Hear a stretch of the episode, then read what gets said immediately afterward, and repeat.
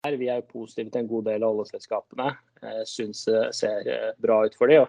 Og, aksjene er ikke på, på, de nivåene de har vært på tidligere. Så, så det er jo mulighet for, for investorer som vi tror eh, kanskje en del kommer til å, å, begynne å snuse på og se på nå når oljeprisen har kommet på de nivåene de er, og, og det blir litt mer investerbart for de, for de aller fleste. Informasjonen i den podkasten skal ikke ses på som investeringsråd. Tenk at eh, plasseringer i verdipapiret bestandig medfører risiko, og historisk avkastning er ingen garanti for framtidig avkastning. Velkommen til en ny episode av Pareto-podden. Mitt navn er Ola Alsberg, og torsdag den 25. mars arrangerer vi i Pareto vår årlige INP Independence-konferanse, der fokuset ligger på oljeselskaper. Konferansen gir oss en fin anledning til å snakke litt om nettopp oljeselskaper og markedet for olje generelt. Tom Erik Kristiansen, du er analytiker eh, på, for oljeselskaper her i Pareto. Velkommen i studio. Takk skal du ha. Jo, Du dekker jo en, en, bransje som eh, har fått en eh, solid knekk i 2020. Hvordan eh, ser du tilbake på det siste året? Ja, Det har jo vært helt ekstraordinært selvfølgelig det som har skjedd. Og noe man vel egentlig aldri før har sett i historien. Så hvis man skal ta et tilbakeblikk, så jo, startet jo 2020 egentlig veldig bra for oljeselskapene. Man hadde en høy oljepris. Eh, drevet av usikkerhet, spesielt i Midtøsten. Eh, man, jo, man, trodde jo på en måte man hadde sett alt eh, når man fikk droneangrepet på energiinfrastrukturen i, i Saudi-Arabia og, og, tidenes største bortfall av oljesupply til markedet pga. det, sent året før.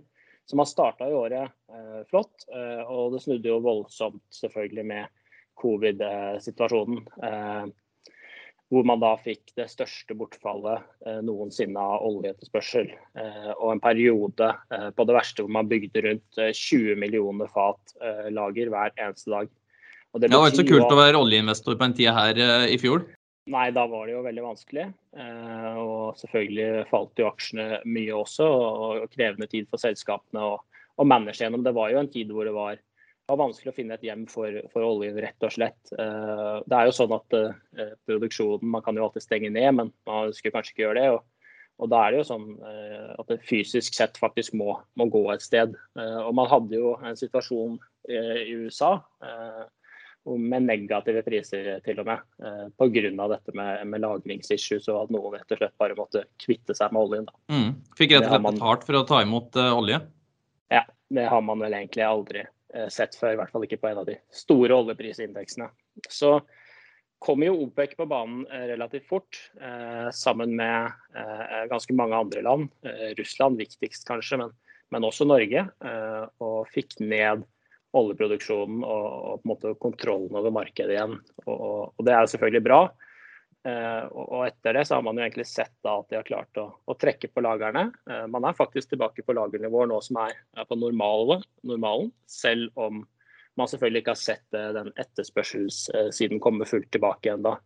Det er jo fortsatt sånn at vi, ikke flyr så mange steder, og, og det slår mye på oljeetterspørselen. Så man har jo et marked som er ganske spesielt. oljeprisen har kommet mye opp fordi at Saudi med OPEC og, Russland spesielt eh, etter hvert eh, har holdt igjen mye oljeproduksjon og stramma til det fysiske markedet. Eh, samtidig som, eh, eller på, selv om, da, på tross av eh, at etterspørselen faktisk fortsatt er ganske lav. Så, så de er jo i, tilbake i kontroll, eh, mener vi. det har vært veldig bra for oljeprisen, som har da hvis man ser på Brent, eh, gått til nesten 70 nå, eh, som er fantastisk for oljeselskapene og mye mer enn de har planlagt for eh, f.eks. i år. Mm. Får du litt høydeskrekk nå som oljeprisen eh, ligger og snuser på 70 dollar fatet? Det er jo vanskelig å spå oljeprisen framover, og, og, man er relativt uh, høyt nå. Det føles høyt, uh, spesielt når man har vært såpass lavt som man har. Vi har jo en langsiktig oljepris eh, på, på 60 dollar i våre modeller. Eh, og tror jo at 70 dollar pluss brent eh, over tid kommer til å føre til at det kommer for mange fat olje på, på markedet. Samtidig så har man jo sett at stadig mer kapital vris bort fra oljeinvesteringer. Og det har ikke vært veldig mye sanksjoneringer av nye prosjekter gjennom året som har vært heller. Så så at man kan ha et stramt oljemarked en periode nå, eh, og, enda høyere priser, det, er også fullt mulig, tror vi. Og man ser jo også at OPEC da, nå nylig, når de valgte å fortsette med kuttene, helt klart ønsker å ha, ha høye oljepriser og, og, et relativt stramt marked. Da. Mm. Ja, og så i, mer i makroverden òg, så, så, begynner vaksiner å rulles ut. Og det, det, er håp om en mer normal hverdag når vi går inn mot sommeren. Da. Så, på, så på litt sikt her så ser det vel forholdsvis positivt ut for oljeselskapene? Ja, man regner jo med da selvfølgelig at etterspørselen skal komme opp. Uh, hvor fort det skjer uh, vil, jo, vil, jo, bli viktig og, og, avgjørende også for, for, hvor fort sånn som OPEC da bringer mer produksjon eh, til markedet. Så det er helt klart positivt. Og, og den balansen man har nå, er jo på en måte eh, fører jo kun til høye oljepriser fordi nettopp en del av disse landene holder supply tilbake. Da. Og de ønsker jo selvfølgelig å, å selge den oljen de har. Eh, og tjene gode penger på det eh, når etterspørselen kommer opp igjen. Men vi tror jo at dette her ser, eh, ser stramt ut inn mot, mot sommeren, og at eh, oljeprisen kan gå, gå enda høyere, faktisk. Oljeprisene er jo en fryktelig viktig faktor her, men, men eh, akkurat hvor mye er oljeprisen har å si for selskapene innenfor IMP-sektoren? Altså Hvilke andre faktorer er det som er, er, som er viktige her? Ja, oljeprisen er jo er veldig viktig da, eh, for, for, mange av selskapene. Eh, spesielt på, på, kort sikt og selvfølgelig for, for inntjening og kontantstrøm i år. Samtidig så ser man jo at over tid til stadighet viser seg å at det å, det å, ha en sterk balanse, sånn at man tåler svingningene, eh, lav kostnadsbase eh, som, som, gir robust cashflow, altså kontantstrøm også når eh, oljeprisen er lavere, eh, har jo vært eh, viktige faktorer. Da. Eh, I tillegg til det som gjelder for alle selskaper på tvers av industrier. å levere god avkastning på kapitalen. helst ha, ha vekst i, i produksjonen og, og organisk muligheter da, til å investere med en uh, høy avkastning. Mm. For På konferansen vår nå neste uke så kommer det selskaper som eh, Panoro, Lundin Energy, Aker BP, eh, Africa Oil, BV Energy og, og, mange flere. Hva slags temaer er det selskapene kommer til å ta opp da, tror du? Nei, vi tror jo eh, at det blir eh, fokus på litt eh, disse mulighetene som nå, nå byr seg. De, de, kommer nok til å være relativt forsiktige og på en måte være åpne på at de fortsatt planlegger for litt, litt lavere oljepriser enn, enn, der vi er nå, og, og, ønsker å bruke dette her til å bygge uh, solid balanse og en solid plattform videre. Men uh, det er klart at det blir spørsmål om kapitalallokering. Uh, enten da til vekst eller reinvestering i, i, i, produksjon og for å øke produksjonsbasen, eller økte utbytter. da. Det er jo veldig mange i denne industrien her som kuttet utbyttet helt, eller, eller reduserte det drastisk i, i fjor. Og, og, det er klart man, Nå er man på et oljeprisnivå hvor investorene igjen begynner å, å se mulighetene for det, og, og hvor selskapene også har, har, ganske mye frihet. da. Mm. Så, så, det blir en viktig ting. Og så tror jeg i tillegg uh, uten tvil at uh, eh, ESG-fokuset uh, eh, kommer til å stå sentralt. det er jo mange oljeprodusenter som har gjort en del her siden sist. Jeg syns det er hyggelig å nevne. De må selvfølgelig gjøre mye mye mer. men Sånn som Aker BP og Lundin, to av de største selskapene på konferansen, har jo eh, hatt betydelige eh, utslippsreduksjoner over det siste året, og slipper i dag ut 70 eh, mindre enn verdenssnittet når de produserer sin olje. Så det er jo selvfølgelig eh, bra å se og, og, positivt. Og begge de har satt seg ganske ambisiøse mål på den fronten fremover også. Eh, og det må de jo. Eh, og det tror jeg veldig mange av selskapene kommer til å fokusere på. Hvordan skal de få ned utslippene, og, og hva gjør de egentlig eh, på, på, på de, disse frontene helt aktivt. Eh, DNO, et annet selskap på konferansen som mange kjenner til, har jo også investert over en milliard kroner nå for å bli det første selskapet i Kurdistan som ikke driver med flaring, altså brenne altså gassen som kommer med oljeproduksjonen. Eh, bruker den heller da, eh, sender den igjen i reservoaret og får til og med litt mer olje ut. Så, så Det er ganske betydelig det, det utslippsreduksjonen de klarer å få til på, på det. Eh, og har investert da gjennom nedturen. Så, så, det er jo positive ting. Jeg tipper de kommer til å prøve å få frem det, og, og samtidig fokusere på hva mer de skal gjøre. Da, for det er klart at hele industrien her står jo overfor endringer som de må tilpasse seg. Mm. Og oljebransjen, oljebransjen, er jo en typisk eh, syklisk eh, sektor, eh, sammen med bl.a. banksektoren, som vi hadde i søkelyset i forrige podkast. Nå som rentenivået begynner å peke oppover, så har jo det bidratt til gitt en sånn sektorrotasjon fra verdiaksjer som teknologi til mer verdidrevne sektorer som oljebransjen. Og sensitiv er egentlig oljeselskaper for rentenivåer? Ja, relativt til mye annet så vil jeg jo si at de ikke er så sensitive. Eh, og Grunnen til det er jo at man ser jo at sektorprisingen er relativt lav. Eh, man priser ikke inn kontantstrøm langt inn i framtiden, og, og, og, prises i stor grad på, på det du tjener i, i dag. Eh, så hvis man sammenligner med f.eks. teknologi, da, som har ganske annen eksponering, i hvert fall en del selskaper der, så, så blir jo det veldig front-end-heavy kontantstrøm og, og, ganske høye utbytter i mange av disse selskapene som gjør at du da blir, blir, mindre sensitiv. Det er jo flere selskaper i sektoren vi egentlig tror kan betale 20 pluss utbytte eh, yield et år eller to eh, fram i tid hvis oljeprisen holder seg på disse nivåene. Mm.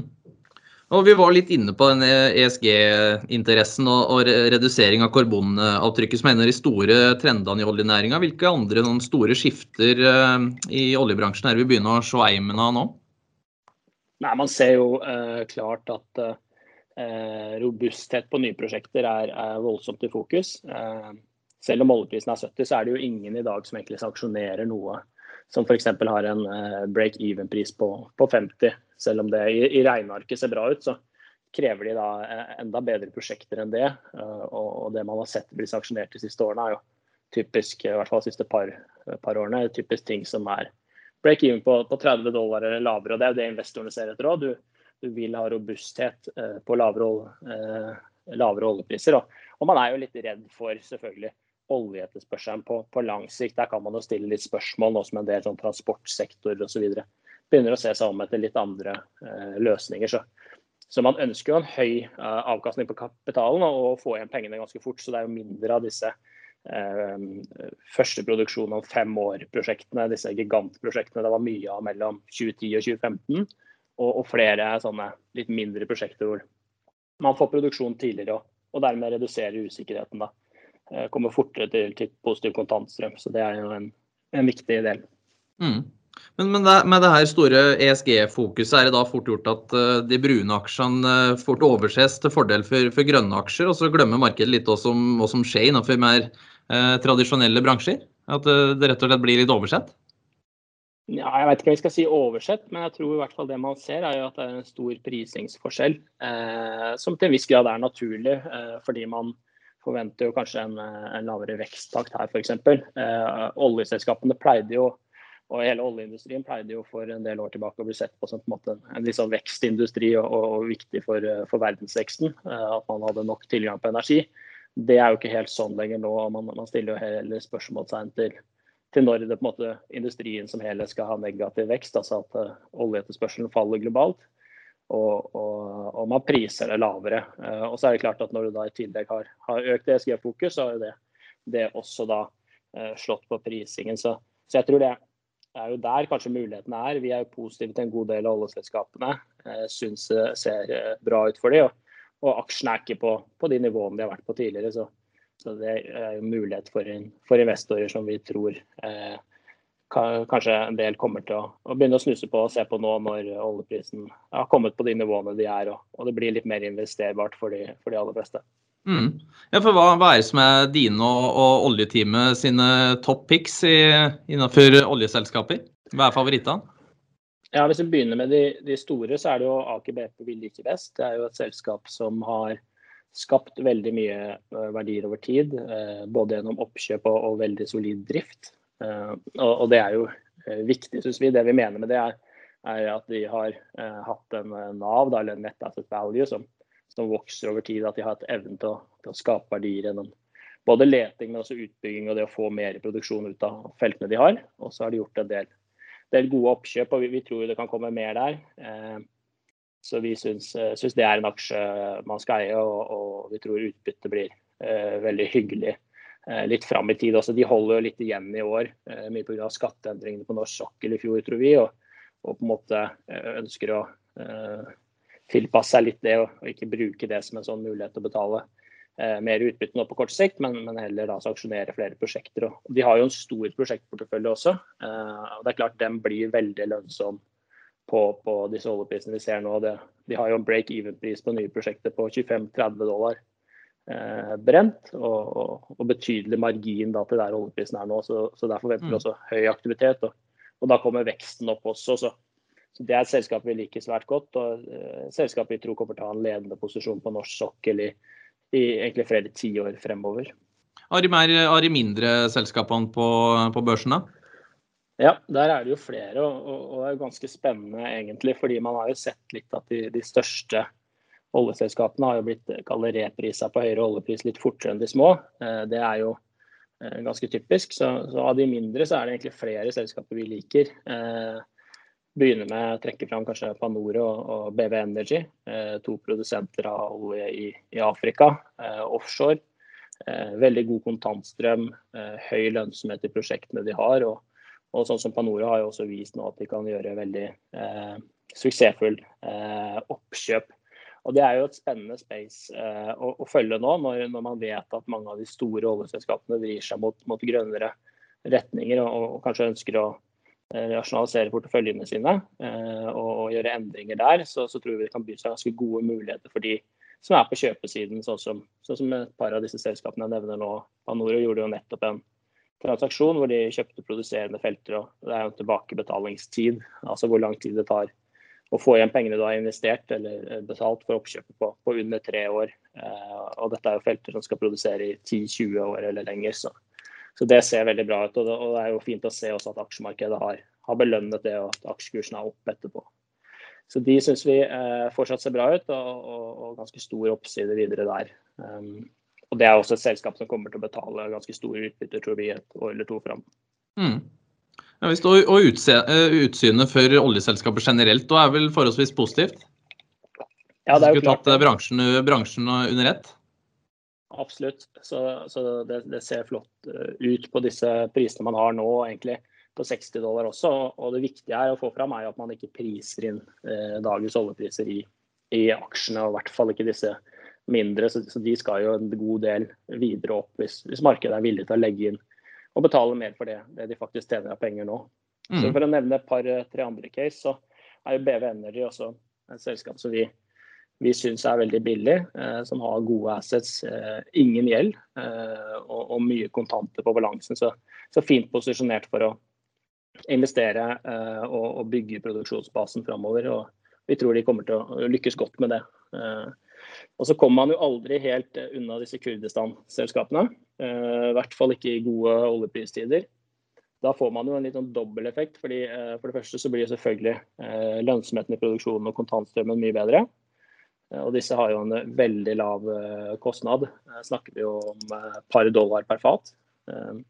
Og så har det jo alltid vært usikkerhet rundt betalinger, selv om det skal sies at de faktisk har god regularitet der.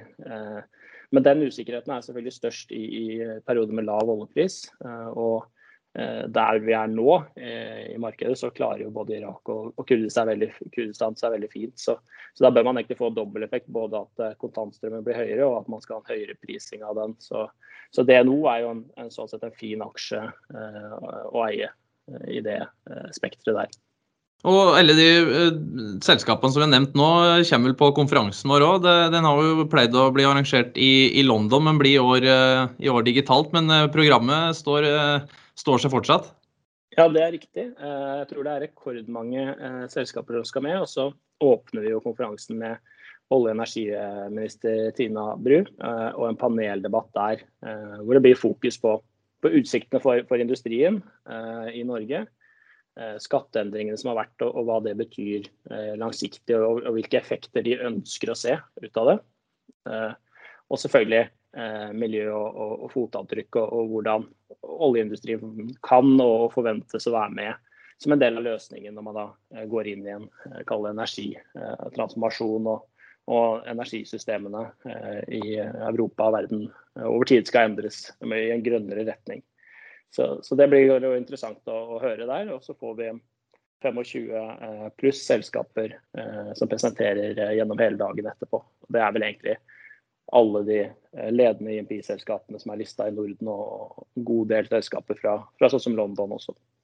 Mm, bare å glede seg. Eh, tusen takk for at du kom i studio, Tom Erik. Eh, og INP Independence-konferansen vår er åpen for 11 våre kunder og går an digitale stabelen torsdag den 25. mars.